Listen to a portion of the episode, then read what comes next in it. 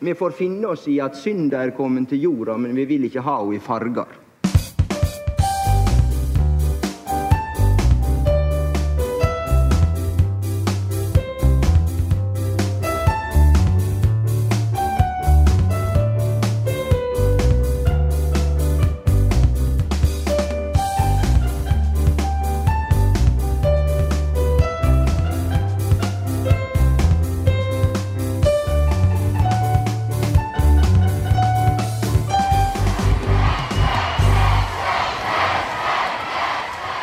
Velkommen til Einar Førdes fargefjernsyn. Vi er et politisk og populært kulturelt skravlekollektiv for folk trygt plassert på venstresiden. Og I dag så har vi med de faste paneldeltakerne Stein Ove Lien, Tøger Fimbreite og Kari Bernardini. Og der TV 2 til vanlig hanker inn postmann Terje Sørensen som valgekspert, så har vi i dag hanket inn Steinar Nørstebø, politikkens altmuligmann og statistikkens absolutte meningsmålingsnerd. Eh, velkommen til podkasten vår, Steinar. Eh, har du noen ord på lur til oss? Ja, tusen, tusen takk.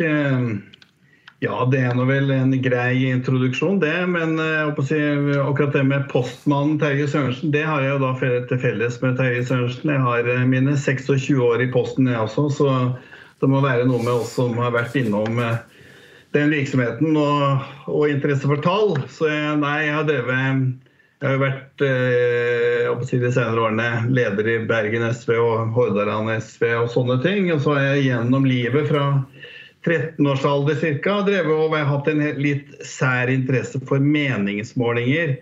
Jeg begynte å skrive eh, opp noteringer eh, og uh, søyler og grafer for meningsmålinger allerede da jeg var eh, 12-13 år. Og den interessen har forfulgt meg fram til denne dag. Så ja. Så det Meningsmålingsnerd kanskje er det mest dekkende. Ja, det, det, er vakkert. det er vakkert. Vi har jo med oss uh, Sørensens tobakkarving Kari Bernardini her også. Uh, og Der uh, Steinar gjerne koser seg med, med tall og meningsmålinger, så er jo det korsting. og ja, Har du fått en ny symaskin, Kari? Vet du, Pål, ingen skal ta deg på å mangle observasjonsevne. Det er helt korrekt. Jeg har fått meg ny symaskin. Eh, og når jeg har fått ny symaskin, så må jeg jo dele det med resten av verden. Det skulle jo bare mangle. Eh, all denne boblegleden må jo spres til, til, alle andre mennesker. Jeg regner med at alle blir like glad for dette som jeg blir, da. Noe annet ville jo vært uh, underlig, spør du meg. Ja, ja. ja. Ja, Stein Ove og, Tøger, vi meldte jo dere på Sommerhytten. Eh, ble dere aldri kalt inn til casting? Um, jeg vet ikke hva det er. jeg vet heller ikke hva det er for noe. Nei, men det, det her tar du, Stein Ove. Det, det høres ut som å være midt i, i, i, i målgruppa. Um, jeg må si at jeg ikke helt vet hva det er for noe. Jeg antar at det er et TV-program, men jeg må likevel si nei. Ja, det, og det, det, er synd, for der har jo på en måte TV-Norge rett og slett gått glipp av en eh, begivenhet. og Det ville jo vært å sette Tøyger og Sten Hove sammen snekre en hytte, eh, men, men det, det, går vi dessverre glipp av. Eh, jeg håper jo ellers det står bra til med dere. Vi, vi skal snakke litt om politikk.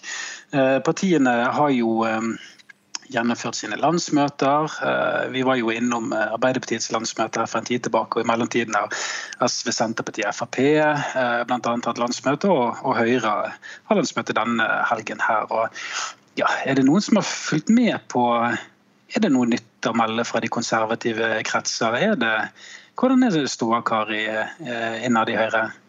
Jeg må jo si at eh, For det første tror jeg ståa innad i Høyre er litt, eh, litt eh, hva skal vi si, litt anstrengt. da. Jeg vil jo tro at de, de har vel kniven på strupen. Jeg så Erna Solberg var ute i dag og sa at det kan være jeg gjør comeback om fire år. og Da tenker jeg da har du på en måte allerede lagt ballen død for det som skal skje i september. Men det er jo greit.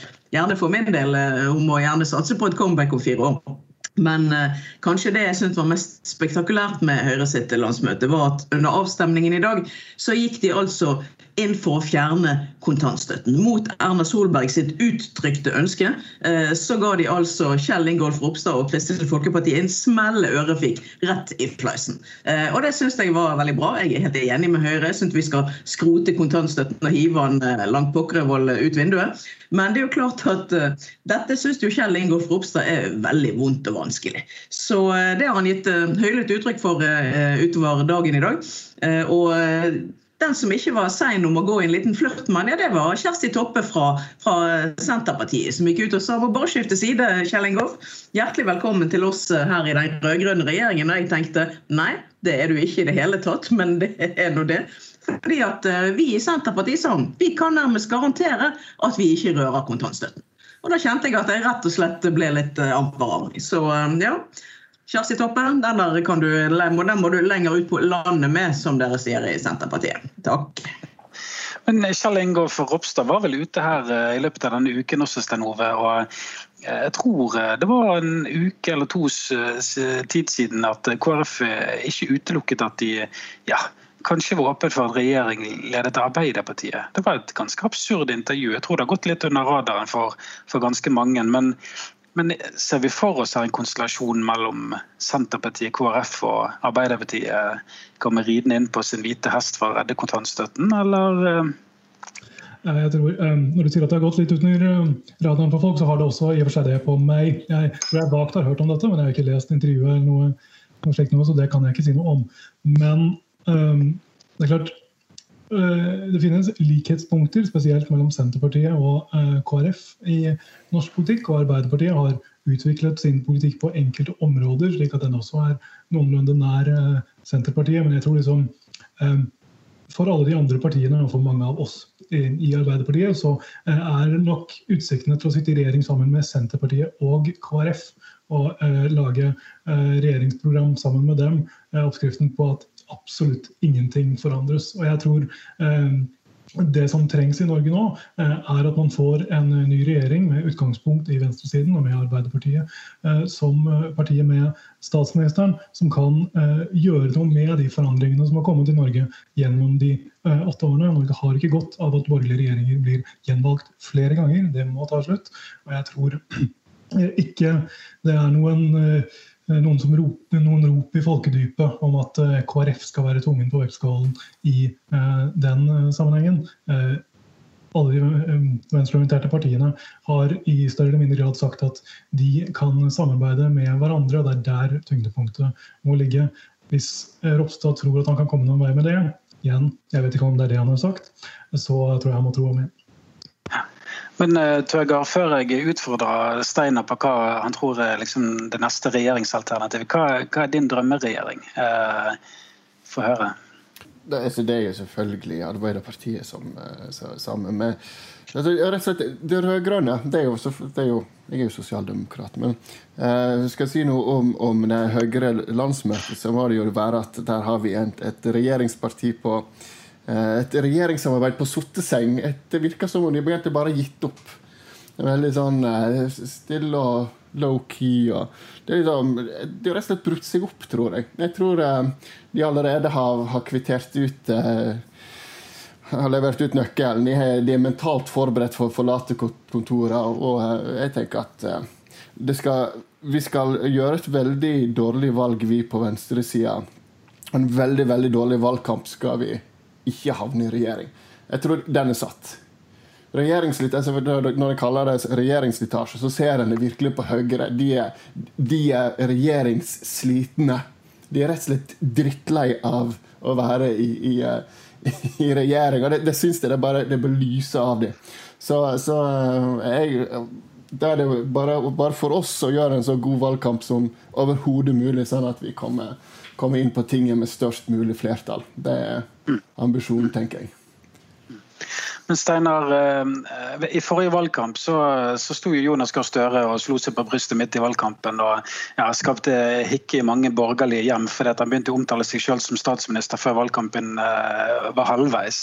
Det gikk jo rett på trynet. Um, hvordan ligger det an nå? Er det, er det walkover dette her, eller? Nei, jeg tenker, jeg tenker hvis uh, det det er vel på det sterkeste alvor mot at dette er kjørt. Det kan det, det kan det jo godt gå den veien. Men eh, hvis vi skrur tiden tilbake til mai 2017, altså de tilsvarende måneder før, eh, før stortingsvalget da, så leda jo uh, Kruse Arbeiderpartiet godt over 30 Senterpartiet var på vei opp, og SV hangla nå nede på rett side av sperregrensen. Og med en samla oppslutning ja, omtrent som kanskje litt i overkant av den de tre partiene har nå. Eh, og da da, da, det er vel, for å si så, Oppskriften på tap er vel å føre omtrent en like god valgkamp som i 2017 fra Arbeiderpartiets side. Så, så ryker det til helvete, for å si det rett ut. Eh, og det utsagnet som Støre da var jo, eh, var jo uttalt i en form for uh, hybris fra hans side. Akkurat når meningsmålingene smalt rett i trynet i, tidlig i august for Arbeiderpartiets del i 2017. Så jeg tror ikke dette, den som tror dette er kjørt, den, uh, den tror jeg må, bør tenke seg om. Fordi det er, det er klart, altså jeg vil si at det er større sjanse for, en, for en, et skifte nå enn i 2017. Men jeg tror på ingen måte det utelukka eh, og det har noe med sperregrense å gjøre. Det har noe med, med, med hvor, hvor, velgerne ja, hvor disse borgerlige velgerne har tatt veien, som nå gjør at vi er der vi er, meningsmålingsmessig. Det vet jeg selvfølgelig litt om, men, men tenkte jeg ja, det, hvis dere vil vite det, så kan jeg si noe om det. Men ja. Ja, men eh, det, det er veldig interessant. og jeg tenker um denne podkasten så har jo vi snakket eh, Vi har jo lettet hjertet vårt litt underveis. Sant? Og vi har vel landet på at vi vi ser jo gjerne for oss en eh, regjering bestående av Arbeiderpartiet, SV, Senterpartiet. Og så begynner vi å få et litt anstrengt forhold til Miljøpartiet De Grønne. Men hvordan står det til hos SV? Eh, hva er stemningen i Bergen SV? Er det stor stemning for at Miljøpartiet De Grønne skal inn og tre på seg statsrådsposter? Nei, altså for å være helt ærlig så er vel stemningen i Bergen SV at eh, den er for at SV skal gjøre det veldig, veldig bra. Eh, og den er, den er Vi ønsker jo også at, at, at det blir grunnlag for altså, SV er jo villig til å samarbeide med alle partiene, men liksom i den grad eh, Det vil være en gunstig ting hvis det var flertall av Senterpartiet, SV og, og, og Arbeiderpartiet. Eh, i min drømmeverden så tror jeg jeg hadde utelukka Senterpartiet, men det er helt urealistisk. Eh, for eh, Senterpartiet framstår jo som mer og mer eh, konservativt. Så det blir, noe, det blir, ikke noe, lett vei, men den eneste veien til virkelig forandring er, er en regjering av de partiene. Og så er ikke jeg veldig opptatt av hvordan det går med Rødt og MDG, for å være helt ærlig. Det er veldig interessant, for Når jeg snakker med senterpartister, så ønsker de en regjering uten SV. Men når jeg snakker med SV-folk, så ønsker de en regjering uten Senterpartiet. Så når jeg snakker med Arbeiderparti-folk, så tror Arbeiderparti-folk veldig ofte at Arbeiderpartiet er så stor at vi kan en regjering alene. Men det er jo et par tiår siden, siden vi var der. Men, men Kari, hva, hva er status? Jo, jeg lurte på en ting, skjønner du, Steinar. Du snakker om, eh, om, MDG og sånn. og Det er jo det, ja, det, det er en, del i Arbeiderpartiet som elsker MDG, og det er en del som har et kjempeanstrengt forhold til MDG. Det er litt uh, noen ytterfløyer her uh, akkurat når det gjelder de. Uh, vi som er i fagbevegelsen til dagen, ser jo litt av akkurat det. Men jeg, jeg kom over en artikkel her hvor Rasmus Hansson i MDG går ut og forlanger at Audun Lysbakken skal gi tilbake de pengene han har, altså SV har fått i støtte av LO. Han gikk ut og tornet skikkelig hardt til, for han mente at dette var jo oljesmurte penger, og SV måtte nå vite bedre. Og han at, ja, han ble altså, Er han bare sur fordi 15 stykker i LOs repskap var de eneste som ville gi penger til MDG, eller hva, hva er greiene? Har dere tenkt å gi tilbake pengene, Steinar? Nei, jeg er jo kjempeglad for, eh, kjempeglad for pengene, vi. For det første trengs det for å drive en god valgkamp. Og for det andre så er det jo uttrykk for, eh, for der eh, SV ønsker å være, nemlig en så nær alliert av LO og fagbevegelsen at den samme bevegelsen syns det er riktig og nødvendig og bra å støtte SV. Og så får jo MDG gå gå og kikke på sin egen arbeidslivspolitikk før de, før de klager. Men det er klart at, det er klart at MDG er for å si det sånn, MDG er litt ute å kjøre for tida. så Derfor så får vi en del sånne, uh, sånne utspill. Uh, MDG vel, har vel på en måte, ikke sant, Fra et kjempegodt lokalvalg i 2019 så har de begynt å dratte kraftig bakpå i meningsmålingene og, og på en måte ligger ligger egentlig ganske dårlig an eh, nå til, på, til å greie den 4 %-sperra. og altså sperregrensen. Så, så derfor så vil vi få en del utslag av den type ting fra MDG sin side. Og vi vil få enda flere oppslag med MDG-ere som går i strupen på Frp-ere på masse identitetspolitikk for å få, for å få oppmerksomhet om, om seg og sine. Og den fella syns jeg ikke noen andre skal gå i. Og, der, Sten Ove, vi skal vel ikke ligge skjul på at av og til så føles det som å være i en litt sånn uh, vrien knipe. Og det å skulle samarbeide med Miljøpartiet De Grønne og, og samtidig skulle drive valgkamp. jeg vet ikke, Gleder du deg til å Eh, reise rundt og ha digitale valgkamper i koronatider eh, for Arbeiderpartiet. Eh, samtidig som man har Miljøpartiet De Grønne ved makten i Bergen som utfører politikk som ja, det virker så enkelte bergensere ikke helt setter stor pris på. Hva, hva tenker du rundt det? Det er egentlig to forskjellige spørsmål, Pål. Uh, ja.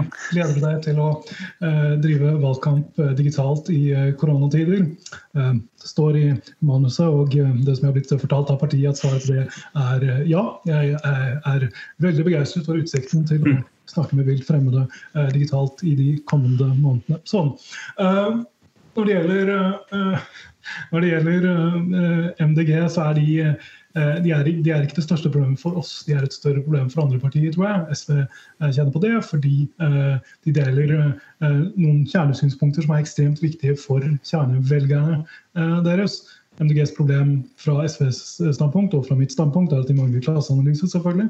Som gjør at de blir, at de blir litt blinde for en del av konsekvensene av politikken sin. Og det kan Kari og andre i LO sikkert også skrive, skrive under på så er det jo det at eh, det skader ikke oss å ha, å ha, et tettere samarbeid med dem i Stortinget. og vi ser at der, Spesielt rundt Espen Barth Eide og andre folk fra de forskjellige partiene i stortingsgruppa, så har det blitt gjort en del godt arbeid med å skrive seg sammen på noen ting. Men det er klart, eh, det er eh, MDG lever på det som Steinar snakker om, nemlig å skape identitetskonflikter, aller helst med Frp, for det er dem deres velgere er aller mest mot. Og Det gjør at de Eh, og når de nå også gjør det så dårlig, så må de gå eh, lenger og lenger. og Da eh, blir det mindre fellesmengde mellom de partiene. Så spørs det da om velgerne ser at tar liksom venstresiden til inntekt for det MDG mener, sjøl om det står på utsiden av det. det. Det vet jeg ikke, men det er klart Eh, de har en rolle å spille, eh, og de er avhengig av å klare å spille den godt for å komme over eh, sperregrensa, men de kan bestemt skape store problemer for andre partier på venstresida, fordi de blir lette å karikere og lette å sette i hardcore med oss fra høyresiden. Og det ønsker de veldig sterkt å gjøre. Mm. Og nå går vi rett på limpinnen igjen. for uh, Vi ender jo alltid opp med å drive og diskutere Miljøpartiet De Grønne uh, i en podkast uh, med sterke sosialdemokratiske og sosialistiske innfallsvinkler. og Det betyr jo bare at de klarer å lage mye støy, og de klarer å på en måte ta den politiske debatten og, mediebildet. Og de klarer å lede an i å på en måte få oppmerksomhet. Eh, men, men, hvis de skrur tiden litt tilbake, til, eh, til eh, forrige gang den rød-grønne regjeringen etablerte seg. Oslo Haga kom med sin grønne fløyelsjakke, Kristin Halvorsen med sin røde fløyelsjakke, og Jens Stoltenberg hadde sikkert på seg et lilla slips eller sånt for å vise sånn match-blandings midt imellom alt sammen. Men, men, er vi der igjen at vi på en måte kan hente frem igjen de gode minnene fra den rød-grønne regjeringen, eller uh, må dette begynne som et prosjekt helt fra scratch uh, med, med, egen innfallsvinkel? Hva tenker du? Jeg tenker jo det siste. Uh, altså, Fortiden er fortiden, og nåtiden er nåtiden. Så det, vi kan jo ikke tilbake til, til liksom, drømme tilbake til gamle dager, store, store fordomstid og sånn. Så det er jo nye politikere, det er, det er nye, nye koster, det er og nye partiprogrammer. Sånn. Så, så det, det, blir forskjellig, det blir ulikt. og det er uh, Så får vi bare se og at MDG nå er en spiller som de ikke var før. De er jo med i det politiske spillet. De, de, var ikke det den gangen på, på begynnelsen av 2000-tallet. Så, så, det betyr jo òg at, at miljøsakene er såpass oppe i, på agendaen. Uh, vi får jo se om det blir en del av, av, uh, av valgkampen. Men at eh, at, miljø, at det er jo andre saker, det er andre ting som, som bryr oss. Og nå har vi hatt og eh, fire år Nei, unnskyld, åtte år med, med, med, med Høyre i regjering. Så, så, ting er jo ganske annerledes. Så mye av jobben uh, vil jeg tro vil gå over på å, å begynne å endre kursen igjen inn mot, uh, mot, mot venstre, inn mot mer velferd, uh, mer, mer, mer, stat og mer, ja, mer, mer velferd, rett og slett. så, så ja, nei Nye folk, nye koster ikke ny politikk, men fornya politikk og uh, blikket fremover. Men Et kort, uh, kort spørsmål til Vegard. Uh, var du fornøyd med den rød-grønne regjeringen som på en måte inntok regjeringskontorene i 2005, og som kastet inn håndkle i var det 2013? Ja. Var du fornøyd med åtte års rød-grønt styre ledet av Jens Stoltenberg og gjengen? det korte svaret er jo ja. Når det pågikk, så var jo, jeg, var jo det ting en kunne kritisere. Men så tenker jeg jo at eh, i ettertid, og den kursen som Solberg-regjeringene har tatt, så, så, tenker jeg at det var jo egentlig en suksesshistorie på mange måter. Eh, for Arbeiderpartiet sin del så var jo ikke jeg veldig glad i, eh, i den ut, Det var jo lenger tilbake, da, men, men den eh, New Labour eh, eh, New Labour, altså At en utvida eh, rommet i Arbeiderpartiet mer til høyre. Det var, det var, kanskje nødvendig den gang da, men nå ser vi at vi, nå er vi på vei tilbake igjen. Men så skal jeg på en måte være uenig om noe, så er det det er der jeg havner. Men nei da. Tommel opp. Tommel opp. Jeg går, går ikke i detaljer. Ja, ja. Hva, hva, tenker du, Kari? Det virket jo litt som uh, ved forrige runde at uh, noen av de sterkeste kritikerne til den rød-grønne regjeringen var fra partiene sjøl. Uh, kommer vi inn igjen i det en gang til, eller hva tenker du? Det, litt av utfordringen tror jeg eh, er at vi, altså Landskapet ser jo ganske annerledes ut nå enn det gjorde i 2005. da. Eh, jeg tenker at eh, Vi møter jo et, et helt annet Senterparti. Et mye mer, et vesentlig mer populistisk anlagt Senterparti enn det vi satt i regjering med forrige gang. Som breier seg sykt mye mer enn det de gjorde sist gang. Og som er mye høyere og mørkere i den grad Slagsmål Vedum klarer å være høy og mørk, så er det er det, det han, han, prøver på. Og det, det, det gjør det det gjør det mye vanskeligere for oss, tenker jeg. De, eh, de, jeg oppfatter de som mer uttalt verdikonservative nå enn det de var den gangen. Har, jeg oppfatter at de har gått litt til høyre. Eh, og det syns jeg er vanskelig å forholde meg til. Derfor er jeg må jeg si, ikke bare for det Steiner ja, men generelt så er jeg glad for at SV har vokst såpass som de har gjort. Jeg er utrolig glad for at vi får en litt sånn tyngre forankring til venstre for oss. Det syns jeg er veldig veldig bra. Men jeg er litt spent på hva, jeg litt spent på hva Steiner syns om dette. Hva syns du om Senterpartiets vekst, Steiner? Hva skal vi gjøre med dette her, og hvordan skal SV håndtere det i en regjering? Nei, altså i, i forhold til en, en, eventuell regjering så blir dette det, det, blir veldig krevende. For vi har fått et veldig mye mer høyreorientert eh, Senterparti. Og eh, si det er jo helt 100 sikkert at, at, Senterpartiet ikke vil ha SV med i noen regjering. Og Det skal vi tenke på at eh, det er, jo, helt, det er helt rasjonelt for Senterpartiet ikke å ha med SV i en regjering. For de ønsker en sentrumsregjering. De ønsker en regjering som skal, øh, skal forhandle både på høyresida mot Frp og Høyre og Kristelig Folkeparti. Og øh, mot SV øh, hvis, hvis, når, når det måtte passe. Eh, så det er jo si, Det blir en sentrumsregjering, og de vil dra det aktivt den veien. Eh, og jeg tror at eh, jeg tror at det, blir en helt, helt, annen deal enn den hvis det blir en sånn regjering. En helt annen deal enn den rød-grønne regjeringen fra 2005 til 2013. Da ble det jo laget en regjeringsplattform i 2005, Soria Moria-plattformen, som eh, var så Hadde jeg ikke blitt med Da holdt jeg på med et litt annet politisk prosjekt, så hadde jeg ikke blitt med i SV ennå. Det skjedde to-tre år etterpå. Eh, men da, da, var det jo regjeringsplattformen var jo så vakker og så flotte ord og, og, og tiltak og ditten på daten at eh, SV-ere nærmest gråt av glede når de leste den. Eh, og sånn ble det ikke nå.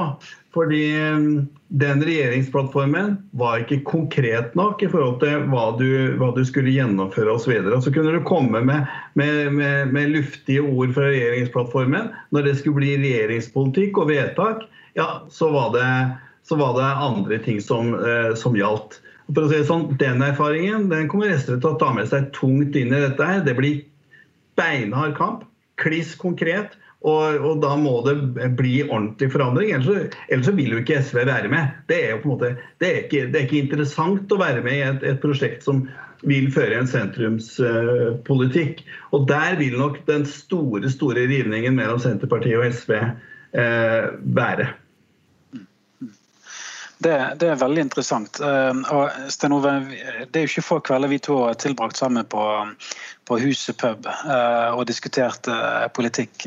og Det var ikke få kvelder vi tilbrakte under den rød-grønne regjeringen sist. og Tidvis virket det jo som kanskje noen av de sterkeste kritikerne til den rød-grønne regjeringen kom fra Bergen, og kom fra SV i, Bergen. Hvordan vurderer du situasjonen sett utenfra nå? Har Audun Lysbakken med seg en sterkere heiagjeng nå? Eh, har han med seg et sterkere mandat eh, denne gangen?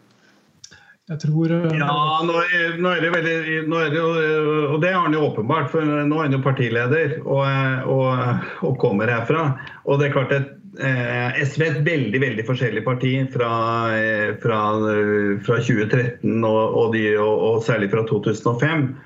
Eh, og og har erfart hele partiet at eh, vi skal, vi skal, ha skikkelig forandring. Og det er klart at eh, Audun en helt annen partileder med en helt annen type prioritering og med et, et, et veldig sterkt tyngdepunkt eh, hos oss i, i, i Bergen og, og Vestland. Eh, og det er klart at eh, vi, vi kommer til å gjøre alt vi kan for at eh, det skal lykkes. Men det er en, det er en helt annen type politiker med helt andre type prioriteringer. Og et ekstremt samla parti som er mye mye mer åpent og samla enn eh, enn det var i de årene. Mm. Spennende analyse. Og da Hvis vi da tar en, eh, en analyse fra Stein Ove Lien, hvordan tenker du eh, mulighetene er for Bergen SV? Jeg beklager, jeg holdt på å hoppe inn, for jeg syns jeg hørte navnet mitt bli nevnt. Men jeg og Steinar har veldig like navn. Uh, og det jeg skulle si, var at dette burde du spørre Steiner om. Så, nei, jeg tror at eh, SV Du sa helt i starten, når vi begynte å snakke om den rød-grønne regjeringen, noe om liksom, hvordan vi så på dette. og jeg tror det er veldig ulikt hvordan det ble sett på i de forskjellige partiene på den tiden. For SV og Senterpartiet var veldig små. Arbeiderpartiet var særlig i andre periode enormt store. I den første perioden så hadde man jo gått til valg på Soria Moria-erklæringen, som Steinar sier, eh, som var fremforhandlet over relativt lang tid eh, i Stortinget, slik at det var et felles prosjekt som alle var enige om. Så endret jo premissene seg med det andre valget, hvor Arbeiderpartiet føk fram, men Senterpartiet og eh, SV gikk noe tilbake, slik at Arbeiderpartiet ble voldsomt store. Og den andre perioden av den rød-grønne regjeringen var ikke like vellykket. Man, man befinner Arbeiderpartikritikere eh, som eh, mener at, den, at, man gikk tom for ideer. Altså en del eh, litt tilbakeskuende folk ble gitt eh, tillit istedenfor nye eh, talenter. Men jeg tror, altså, jeg personlig ser på liksom den rød-grønne regjeringen, og spesielt da eh, når den erklæringen ble lagt frem i 2005, som liksom et av de fineste øyeblikkene i mitt eh, politiske liv. Eh, det eh, var en voldsom eh, tro og håp eh, den regjeringen ga. Resultatet var noe mer, mer, blandede. men jeg tror og Det som har endret seg denne gangen, selvfølgelig er at Senterpartiet har gått til høyre og blitt veldig mye større. slik at tidligere, En vanlig analyse av eh, Stoltenberg II-regjeringen eh, var at Senterpartiet og SV kunne bidra til å eh, dra regjeringen til venstre i enkelte spørsmål. Nå er jo problemet, avhengig av hvor man ser det fra, at Senterpartiet har tatt et godt steg til høyre. Vi mener jo at Arbeiderpartiet har gått til venstre, men det spørs om, eh, om eh, det er nok til å dra regjeringa nok til venstre for la oss si min smak, da, når Senterpartiet og Arbeiderpartiet sitter med en så stor andel av makta i regjeringa. Og det er selvfølgelig en av de tingene som SV må gjøre opp med seg sjøl. Om de tør å gå inn i et sånt prosjekt, om de er store nok og store nok på sin egen maktutøvelse til å gjøre det, og ikke bli eh, liksom, låst i regjering mens f.eks. MDG eller Rødt, om de skulle komme over sperregrensa, eh, kan eh, øke på å stå utenfor. Ja da, det er gode poenger det, Stein Ove. Men, men, det er klart at for SVs del så eh, vi, vi går ikke til stortingsvalg og satser på å bli størst mulig eh, for å ikke utøve makt. Så det må jo på en måte være Det, jo, det er jo poenget. Og, og, det En utøver mer makt gjennom, ofte gjennom regjeringsposisjon enn ikke, men en må alltid vurdere om det finnes et, et, punkt hvor du sier at ja, du greier å utøve mer makt uh, utenfor. Men, men vi vil jo ikke stille oss på, på, utsida. Og vi vil jo på en måte Vi har jo ikke, vi, vi har jo ikke lyst til å Vil jo på ingen måte slippe Senterpartiet til uten kamp med å lage sin drømmeregjering av Arbeiderpartiet og Senterpartiet, som skal shoppe på begge sider av streken. Som skal shoppe løsninger med eh, markedsløsninger med Høyre og, og, en og annen velferdsløsning med SV, det, det, det, går ikke, på en måte. Da er det, det både for fagbevegelsen og for Arbeiderpartiet, etter min vurdering, så er det fullstendig døden på boks eh, i forhold til å få en, eh, få en virkelig, virkelig, forandring. Og at det vil være ekstremt vanskelig. Og så, vi, så vil MDG og Rødt ha representasjon på Stortinget, får vi se hvor mye. Eh, og, og, og de, si, ja vel, de, hvis ikke de vil være med og, og, ta ansvar, så vil de ikke være med og ta an, ansvar. Og da, eh, da vil SV prøve selvfølgelig å få så god politikk at en kan styre gjennom en, en, en regjering. Eh, og, og, og, hva MDG og Rødt måtte finne på å hakke på SV da, det får nå så være. Men det er klart det er det vil være en utfordring, men eh, jeg tror partiet er i stand til å, å, å tåle det. Hva tenker du, Kari? Nå, eh, det er jo vanskelig å på en måte spå meningsmålingene, sant? men vi ser jo en svak trend. Eh, at, at det er positiv utvikling for Arbeiderpartiet uh, på meningsmålingene. Vi ser en svak trend med at uh, det er noe nedadgående for, for Høyre. Men det er jo klassisk for Arbeiderpartiet når vi går inn i valgkamptid at vi må jo kjempe mot gjerdet og sofaen. Sant? Vi må få folk opp av sofaen og vi må få folk ned fra gjerdet og vi må få dem til å, å, gå og stemme på Arbeiderpartiet. Tenker du at uh, hvordan tenker du det politiske landskapet er nå? Eh, er folk klar for å gå og stemme på Arbeiderpartiet, eller hva, hva venter de på at Jonas Gahr Støre og partiet skal gå og eh, komme ut og melde nå, eh, for at folk skal ta et skikkelig retningsvalg og slutte seg til, til laget?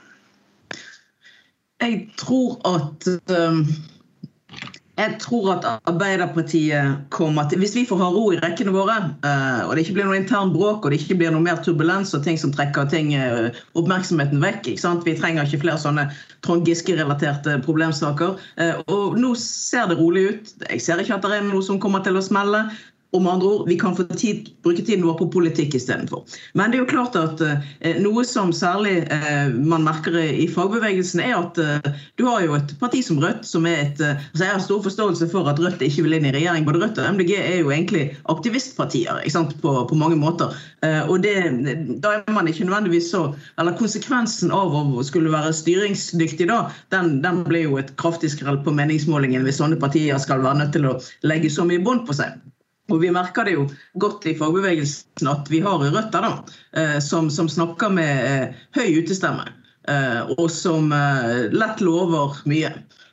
Og som er kjapp på labben og som er veldig flinke overfor fagbevegelsen. De er veldig langt frem i skoene når det gjelder fagbevegelsen. Jeg så akkurat en, en oversikt, den var ikke fra LO riktignok, men den var fra Fellesforbundet. Et forbund hvor ja, Rødt er veldig lydhøre, da, hvis eller lydhøre, unnskyld, de er veldig, eh, det er mye lyd i det da, i, i, i Fellesforbundet. Eh, og Fellesforbundet ga jo for første gang penger til Rødt sin valgkamp. Eh, det har de aldri gjort før. Det gjorde de for nå foran denne valgkampen. Men selv der så har Rødt altså ikke mer enn 6 oppslutning blant medlemmene.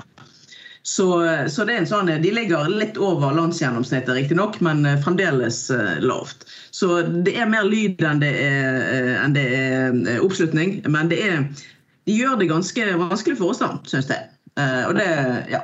Men det, vi, det, er jo en kamp vi må ta. Mm. Men Tøygar, uh, Arbeiderpartiet kan jo ikke gå inn i en rød-grønn regjering hvor Senterpartiet er på 16-17% og Arbeiderpartiet har 19-20% altså, og Senterpartiet krever statsministeren. Uh, hva tenker du om dette? Altså, hva kommer til å skje nå den nærmeste tiden? Når du tenker på det, altså, Hvis det blir en sånn skjevfordeling Jeg tror vi, vi, har vel vært inne på det. Det jeg tror, det er at uh, det er Støre som vil bli statsminister om noe sånt. Jeg tror, tror, det er bare sånn så, så, det, det, er sånn fordelingen er. Men det, hvis, hvis, Senterpartiet blir eh, større enn en, en Arbeiderpartiet, eller tilnærmet like stor, så, så må en jo forhandle vekk noen statsrådsposter i større grad. Så det, det, tror jeg. Og selvfølgelig så vil jo de ha større innvirkning på, på politikken. Uh, altså, så da vil jo Ja. Så hva, det, det, hva den praktiske konsekvensen blir, det vet vi jo ikke. For, men det er jo en interessant problemstilling, helt klart. For hva, hva gjør en da? Uh, hvem skal uh, Er det sånn at vi får Støre som, som statsminister, og er, er, det sånn at resten av statsrådene er, er hovedsakelig uh, eh, Senterpartiet. Altså, har vi kanskje noen fra SV òg for å få, få en eh, få to tredjedels flertall. Nei, det er spennende. Det, det blir definitivt en spennende eh, miks der. Men altså, skal jeg spå noe, sånn som hvis vi ser trenden, så, så, tror jeg at Arbeiderpartiet kommer til å komme godt over 20-tallet. Vi kommer nok forhåpentligvis til å, å, å nærme oss 30-tallet. men eh, Um, kan hende at det er bare dagdrømming fra min side, men det vil ligge an der. Eh, vil jeg påstå. Hva tenker du, Steiner? Er det dagdrømming? Ja, det tror jeg er dagdrømming. ja. Eh, det, det, det, det, Arbeiderpartiet på 30, sjanseløst. Da må det skje noe veldig, veldig, veldig spesielt. Hvis Arbeiderpartiet altså, eh, Og nå valgresultatet fra 2017 på 27,4 vil være meget sterkt ut fra den situasjonen som er, er, er nå. Og noe høyere enn det det er på en måte helt, helt urealistisk. og jeg tror det ja, Jeg ville overhodet ikke lagt det som eh, strategi heller, fordi, for da må du tenke på en helt annen måte. Uh, ja, skal ikke jeg si jeg håper å si. Eh, dere var inne på et, et ekstremt viktig begrep uh, tidligere, uh, tidligere, og dette med lojalitet. Altså hvor mange av de som stemte på partiet, eh, Arbeiderpartiet og SV, da, i 2017, som vil gjøre det igjen nå, ja, det er det som er kjernepunktet i, for, eh, eh, for, alle partier. Jeg synes Arbeiderpartiet har gjort en lur ting med å, å, å droppe å snakke om eh, såkalte lilla-velgere, altså de som veksler mellom Høyre og Arbeiderpartiet osv. Satse på å mobilisere de som eh, stemte sist, for da kommer det alltid noen andre til også, og da vil en få gode resultater. Arbeiderpartiet har nå eh, si, gjennom denne perioden hatt svært lave lojalitetstall. SV har, vært, eh, SV har tradisjonelt vært et parti som har skifta ut mye større deler av velgerbasen.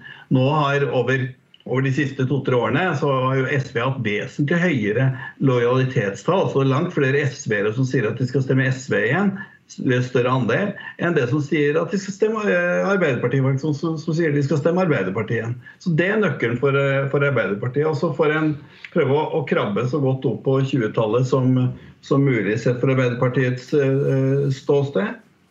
Og så tenker jeg at uh, hvis jeg skal si, si noe om, om, Senterpartiet i den sammenhengen, så tenker jeg at uh,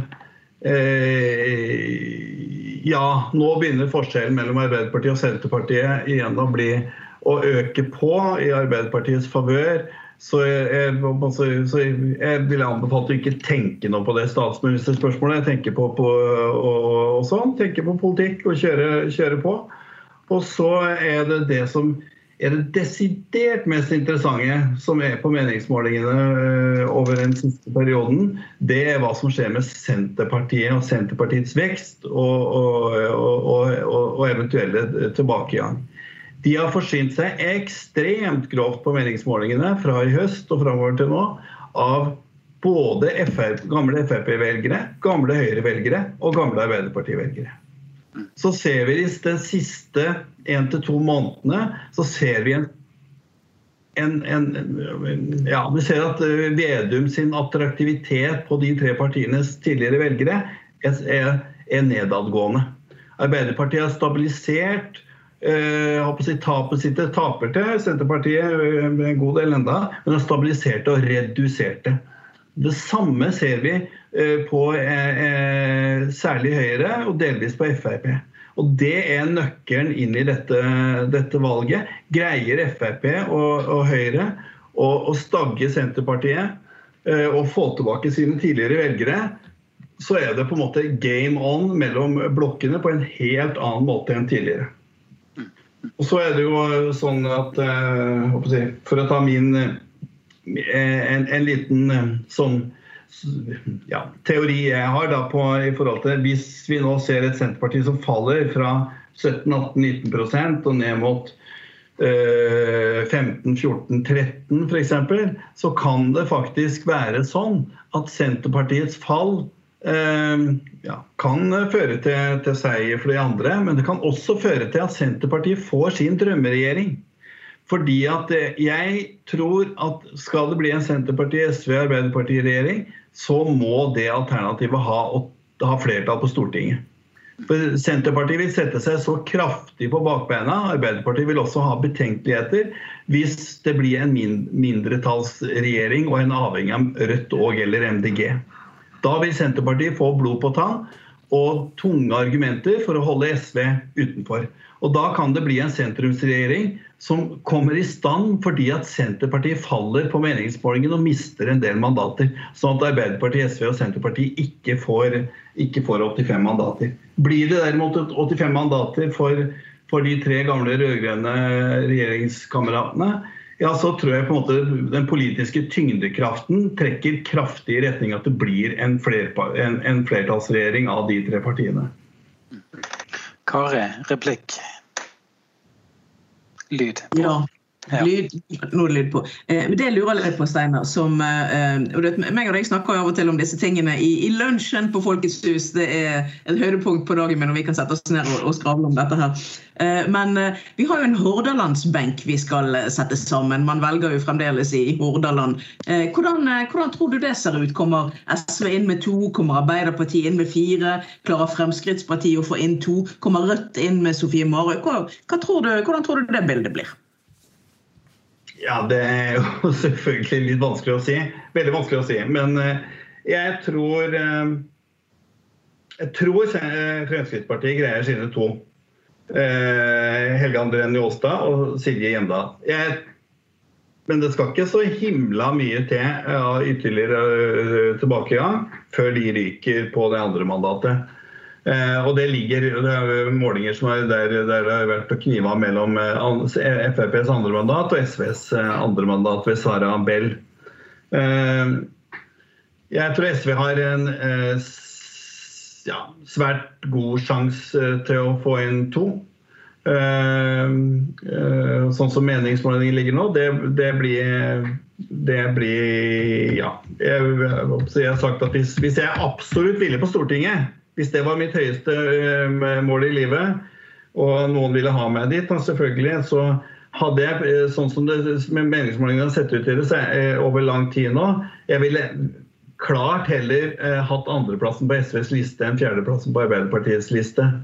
Og jeg tror på en måte Arbeiderpartiet skal konsentrere seg om å greie å berge de fire inn. Det vil være en, en god prestasjon, sånn som målingene er nå. Hvis en, en, en greier også det fjerde mandatet, som vel øh, Fjerdeplassen er vel Linda Merkestad fra Voss som, uh, som står på. Det vil være en, god øh, etter min mening, sånn som målingene ligger nå, en god prestasjon. Selv om selvfølgelig mange i Arbeiderpartiet drømmer om både fem og seks og sju, på en måte, så, så, så er vi nå der vi er. Så så tror jeg at uh, Høyre vil, altså, og Mye av dette vil stå på om de greier fire eller fem. Uh, jeg håper at de greier bare fire. Uh, men får de en 8-29 så får de, får de også femtemandatet. De kan ofte også få en utjevning fra Hordaland. For det, ja, det, er litt for spesielt interesserte hvordan det faller ut, men, men det er nå så det er. Så tror jeg Senterpartiet greier, greier to. Eh, Kjersti Toppe og Nils eh, Bjørke fra Vås. Eh, og så begynner vi å Så begynner det å så, Sånn som det er nå Mitt tips nå er at verken Sofie Marhaug eller Arild Heinstad greier det for Rødt og MDG. De må rett over 4% De ligger og vaker både under og over det nivået. Eh, min eh, si, Når vi nærmer oss eh, valgdagen, så tror jeg det er, er veldig fort sånn at, at folk blir stressa for at vi ikke får en ny regjering, og at det blir tungt for de utfordrerpartiene å, å dra de stemmene som skal til. Så det er vel mine ja, grove tips. da. Og så tror jeg altså, så kommer nok ja, så kommer nok Ulstein sannsynligvis inn for KrF. Det er sannsynlig. Og så tror ikke jeg Venstre har nubbesjans ved Rotevatn. Det er vel ingen i denne podkasten som gråter over at eh, Sveinung Rotevatn ikke kommer inn på Stortinget. Eh, men Stein Ove Lian, eh, du har jo skrevet mange rapport for Arbeiderpartiet om hvordan vi skal få grunnfjellet til å våkne opp. Og engasjere eget parti og få folk til å bruke stemmeretten sin. Ser du spor av at vi er, at vi er i gang med dette nå, i, i valgkampplanlegging og organisasjon? Og begynner velgerne å følge våre faner til valglokalet?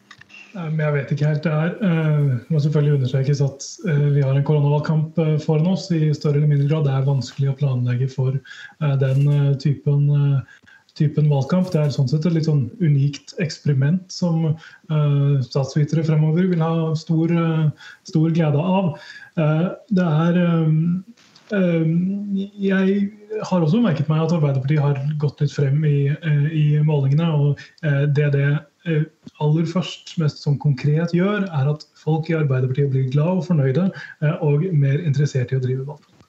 Det kan ikke underdrives hvor Eh, overdrives eventuelt, hvor eh, viktig det er å ha momentum inn i en valgkamp for å få folk til å eh, ønske å bidra i den. Det er bare å huske tilbake til valgkampen i 2013, eller et lass med kommunevalgkamper gjennom 2000-tallet, hvor eh, lite motiverende det er å stå opp om morgenen og be folk om å stemme Arbeiderpartiet når alle piler eh, peker mot at eh, de ikke har noen interesse av det. Så den type positive momentum har alt å si for aktivistbasen i Eh, i partiet. Og eh, jo tydeligere man kan være på eh, at man også ønsker f.eks.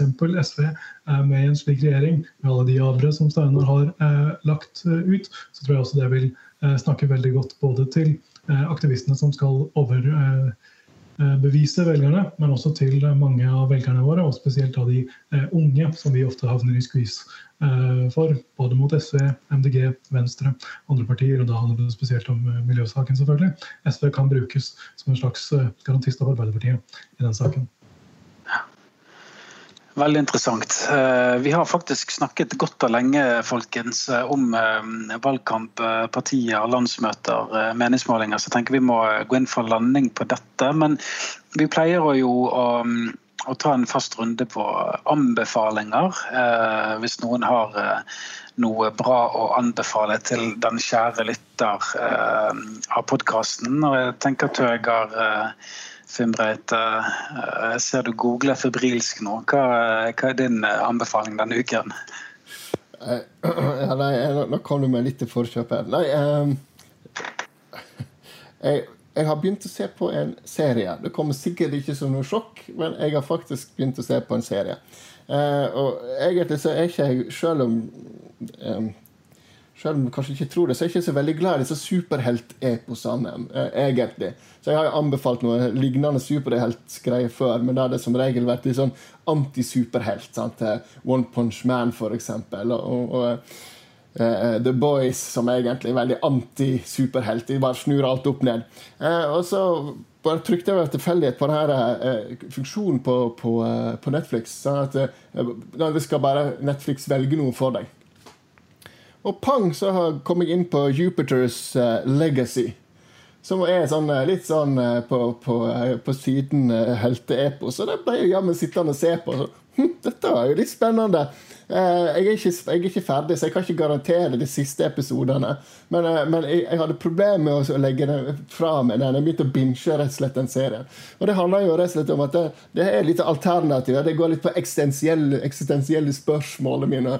Og, og, og, så er det et mysterium så, som, eh, som der, eh, utvikler seg etter hvert. Sånn. Der veksler vi mellom nåtid og 1930-tallet. Og før 1930-tallet så var alle normale. og plutselig så hadde det skjedd en eller annen event, som, en, en, en, en sånn skapshistorie, som gjør til at, at folk blir superhelter. Så, altså, så jeg, jeg, klarer liksom ikke å finne ut av hva trekke disse trådene. Nå kan det hende at Jeg ikke, jeg er jo ikke usedvanlig oppvakt, men jeg klarer liksom ikke helt å trekke disse trådene. Sånn, eh, som regel når jeg ser på, på, på, type filmer og serier, så pleier jeg som regel å forstå hvor vi er på vei hen, og hva løsningen vil være. Men på, på denne her så har jeg ikke helt klart å se hvor, hvor er det vi ender opp. Hva er det, så, hvor er vi på vei? Altså, eh, altså Nåtida handler det om, om dop og om foreldre og konservative verdier og opprør mot foreldre. Det er fantastisk. Eh, og så er det glad vold, og det liker jeg jo. Så, så det er det rett og slett eh, Jupiters Legacy på Netflix. Jeg vet ikke skal si det vakkert, men algoritmene har talt. Um, Kari Bernardini, hva, hva, har du pønsket ut av uh, gode anbefalinger? Du, først må jeg få lov å komme med en uh, bitte liten uh, digresjon før jeg kommer til anbefalingen min. Uh, Stein snakket om at, at Sveinung Rotevatn antagelig ikke kommer til å komme inn på, på Stortinget for Venstre fra Hordaland. Og da strakk jeg armene over hodet i været i et lite jubelbrøl. og jeg må jo si at her for noen år tilbake så, så traff jeg ham på en sommerfest i Oslo. Og han Hei, hei, sier han. Jeg heter Sveinung. Jeg bare Hei, jeg heter Kari. Så sier han ja, hva, hva jobber du med, da? Jeg, jeg, jeg kjente han, altså bare Hans blotte nærvær provoserte meg så voldsomt at jeg kjente at jeg sto jo freste til ham. Og mannen William var jo i utgangspunktet hyggelig. Han er kanskje en hyggelig fyr for alt jeg vet. Og jeg bare 'Jeg jobber i LO!' jeg hadde virkelig problemer med å beherske meg. Så det, jeg kjente Han var litt sånn ja, men så spennende, da. Hva driver du med der? Jeg hadde bare lyst til å jeg vet ikke, klesse til han. Eh, jeg måtte liksom beherske meg for ikke å gjøre det. Så jeg måtte bare dele denne lille Sven Rotevatn-historien før nå kommer anbefalingen. Jeg lover. Eh, jeg tenker jeg skal ta det litt ned eh, på bakken igjen etter superhelteposene til, til Tøger. Så jeg tenkte jeg skulle anbefale et lokalt skjenkested. Vi er i en situasjon hvor eh, mange steder holder på å gå konkurs. De har, eh, det er trange tider, folk eh, får ikke gå ut og bruke penger sånn som de ønsker å gjøre det. Og Da er det altså et skjenkested i Bergen jeg vil anbefale folk å gå. Og Det er Doktor Wiesner. Det gamle folkebadet som ligger ute i Sandviken. For det første så er det et utrolig bra skjenkested. Det er et kult lokale, de har god mat, det er en god atmosfære og hyggelig stemning. Og så en av de aller viktigste grunnene. De har nemlig fått tariffavtale. Det betyr at de har ordnet arbeidsforhold, de har ordnet lønnsforhold. Eh, folk har det greit på jobb der, og hvis ikke de har det greit på jobb, ja, så har de et rammeverk de kan ta dette opp inn. Og det er pokker meg mye verdt i en bransje som er drevet av cowboyer og sleipinger. Eh, der står altså doktor Wiesner som et sted som eh, gidder å ta arbeidslivet på alvor. Og det syns jeg jaggu meg vi skal støtte opp om. Så neste solværsdag dra hekken din ut på doktor Wiesner og sett deg ned der og, og drikke ølen din. Det har, eh, det har de vel fortjent. Eh, flott anbefaling, Kari. Eh, jeg vet ikke med deg, Steinar. Har du en anbefaling? Du ser jo Nivået her er jo ikke så veldig høyt. Altså her kan det ene være det å skjelle ut Sveinung Rotevatn og kalle han et klassetryne i neste øyeblikk og komme med en anbefaling hvor du skal gå og drikke eh, fagforeningspilsen din. Så, så her, her, er terskelen lav for å komme med anbefalinger. Ja, vi får jeg håper å si, jeg håper å si Dr. Wiesner. Der har jeg også tatt ja, en og annen øl, for å si det sånn. Det er jo et bra sted. Eh, og Bortsett fra selvfølgelig å anbefale SV, da, som er min hovedanbefaling, så jeg tenkt rett og slett å anbefale eh, noe som heter Stolpejakten. Det er utrolig festlig. Altså det, du går inn på et nettsted, en app selvfølgelig, alt er en app nå. Eh, så laster du ned den, og så er du ut, ut, på tur. Og Der eh, er det digitale kart, og du får følge med. og Så går du og registrerer på, på, masse steder rundt i Bergen. Både på fjellet, både på, eh, Fløyen, fjellsiden, i sentrum og masse steder. Så står det sånne stolper med sånne QR-koder, så går du og registrerer de stolpene. Og, og, så får du poeng og greier. Da. Det eh, appellerer til meg. Vi har gjort det meg og min kjære har gjort det noen, noen, noen uker i Bergen. Eh, og eh, for gått på jeg Som gammel postmann har jeg gått veldig mye rundt i Bergen sentrum, for å si det sånn, men, eh, i gamle dager. Men eh, her får du altså her, her, kommer du til nye steder på nye nye vinklinger på turen, og du løper, og, og så får du liksom sånn pling og, og greier. og får for å samle poeng og samler områder osv. Og, og så er det utrolig, utrolig morsomt. Så går du enda et par, par sånne stolper til. Og det vil jeg virkelig anbefale. Og i Bergen er det det eminente idrettslaget Vareg som sammen med Bergen kommune eh, har satt opp disse stolpene. Så det er så etter, ja, kanskje heller før de ølene på Wiesner, så burde du kanskje ta med deg et par stolper. Utrolig morsomt, eh, morsomt for Eh, ja, kanskje ikke de som løper opp og ned eh, fløyen på tid, men oss som nå er mer kommet i et noe mer bedagelig tempo. Flott, eh, flott, anbefaling. Stolpejakten der fra Steinar Nørstebø. Jeg har to veldig korte anbefalinger. Det ene er eh, lytt til eh, valgeksperten vår her, Steinar Nørstebø. Ikke stem på Venstre. Eh, det kan faktisk få det positive utfallet i at Svein Rotevatn ikke kommer inn på Stortinget. Det vil jo være helt fantastisk. Eh, og så det andre.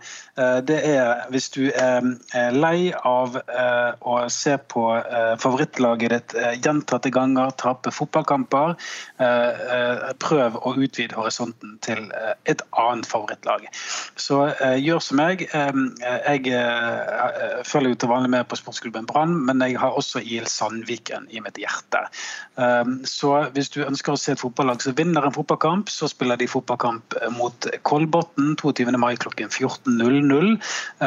Anbefales veldig. Det ene er å komme seg opp i stemmemyrene og se kamper live. Det er nok muligheter for å få billetter. Og den andre er jo alltid muligheten for å se en kamp digitalt. da. Da, Stein Ove Lien, eh, er det din tur. Alt tyder på at eh, du har jobbet med din anbefaling i opptil flere uker nå, eh, før du nå endelig får lov å slippe til. Så scenen, scenen er din. Takk på alt. Først må jeg si, um, bare sånn for ordens skyld, det er ikke bare Sveinung Rotevatn vi ønsker at ikke skal komme på Stortinget. Det gjelder veldig mange andre borgerlige politikere også. sånn at eh, det er sagt, Vi har ikke noen sånn personlig vendetta kun mot Sveinung Rotevatn. Um, jo, det har vi. Altså, det må vi bare påpeke det, det har vi Sten William. Men vær så god. Ok, notert. Det får vi ta opp etter podkasten eventuelt. Um, jeg um, pleier normalt sett å innrette anbefalingene mine på en måte mot hvert fall noen av dem jeg podkaster sammen med. Selvfølgelig primært mot lytteren, men også mot uh, noen av dem jeg podkaster sammen med. Det tror jeg ikke får til uh, denne gangen. I 1992 så sendte uh, Disney på gaten familiefilmen The Mighty Ducks, som er en som er en uh, film uh, hvor uh, unge barn som spiller ishockey, får lære at vennskap er viktigere enn å vinne, og at det å være snille med hverandre og, og samarbeide er det viktigste av alt. Så henger det selvfølgelig med fordi dette er en film og en Disney-film, og de også vinner alltid. nå har, altså, De siste årene så har man jo fått et, nok en sånn bølge av nyinnspillinger og reboots og den slags av TV-serier og uh, filmer. Uh, aller fremst i den tendensen er selvfølgelig Disney, for de eier Star Wars, de eier uh, Marvel, de eier Disney Channel osv. Så, og så, videre, så de kan bare fortsette å gjøre populære ting med, med, ting som folk elsker fra før av. Det har Disney Plus gjort med TV-serien Mighty Ducks Game Changers, som kommer med sin første sesong eh, i disse dager. Åtte episoder er spilt inn. Den har, eh, som alle disse rebootene, er den veldig bevisst på at den eh, er i det samme universet som Mighty Ducks og de to andre filmene, som kom mye dårligere filmene, som kom i 1994 og 1996. Eh, det eneste vi kjenner igjen fra tidligere, er Emilio Esteves, som spiller trener Gordon Bombay, som var treneren i den opprinnelige filmen, og som nå driver en ishall hvor en ny gjeng med små barn som, har blitt, som nå har blitt sparket ut av Ducks, som nå er liksom den store, stygge trygge eh, eh, stormakten i eh, lokalsamfunnet. Og de starter sitt eget lille nye hockeylag. Folk som har sett filmene, eller har sett noen som helst Disney sportsfilm noensinne, vil kjenne igjen hvordan det går. Jeg syns det er eh, veldig sjarmerende. Det er også veldig nostalgisk. for dette er grunnen til at jeg i en kort og intens periode fulgte særlig nordamerikansk ishockey på slutten av 90-tallet. Slik at jeg sitter med utrolig mye eh, kunnskap som jeg aldri har kunnet bruke, og som nå er utdatert, om eh, sport, eh, om, om ishockey. Å komme tilbake og se Mighty Ducks Game Changers har vært veldig gledelig. Og i en av episodene får man også noen cameoer fra noen av disse ungene som var med i filmene fra 90-tallet. Alltid kjekt. Vil ikke være for alle, men jeg setter enormt stor pris på The Mighty Ducks Game Changers på Disney Plus. Vakker, vakker, anbefaling. Jeg tror faktisk aldri jeg har sett en dårlig film med Emilio Esteves. Uh, jeg vet at det sikkert kan diskuteres, men, men, der er det mange klassikere. Så vi, kanskje vi faktisk bør kjøre en helt egen podkast bare med Emilio Esteves-filmer, og hvor vi reflekterer rundt dette. Men jeg tenker uh, det er på tide å gå inn for landing. takk til våre faste paneldeltakere Stein Ove Lien, Tøyga Fimbreite, Kari Bernardini og vår kjære gjest og foranværende postmann, nå politikkens altmuligmann og statistikkens absolutte mening meningsmålingsnerd Steinar Nørstebø. Eh, mitt navn er Pål Astrid Thorsen. Denne podkasten er sertifisert som Svein Rotevatn-fri sone. Du har hørt på en av Førdes fargefjernsyn, et politisk og populærkulturelt skravlekollektiv for folk trygt plassert på venstresiden.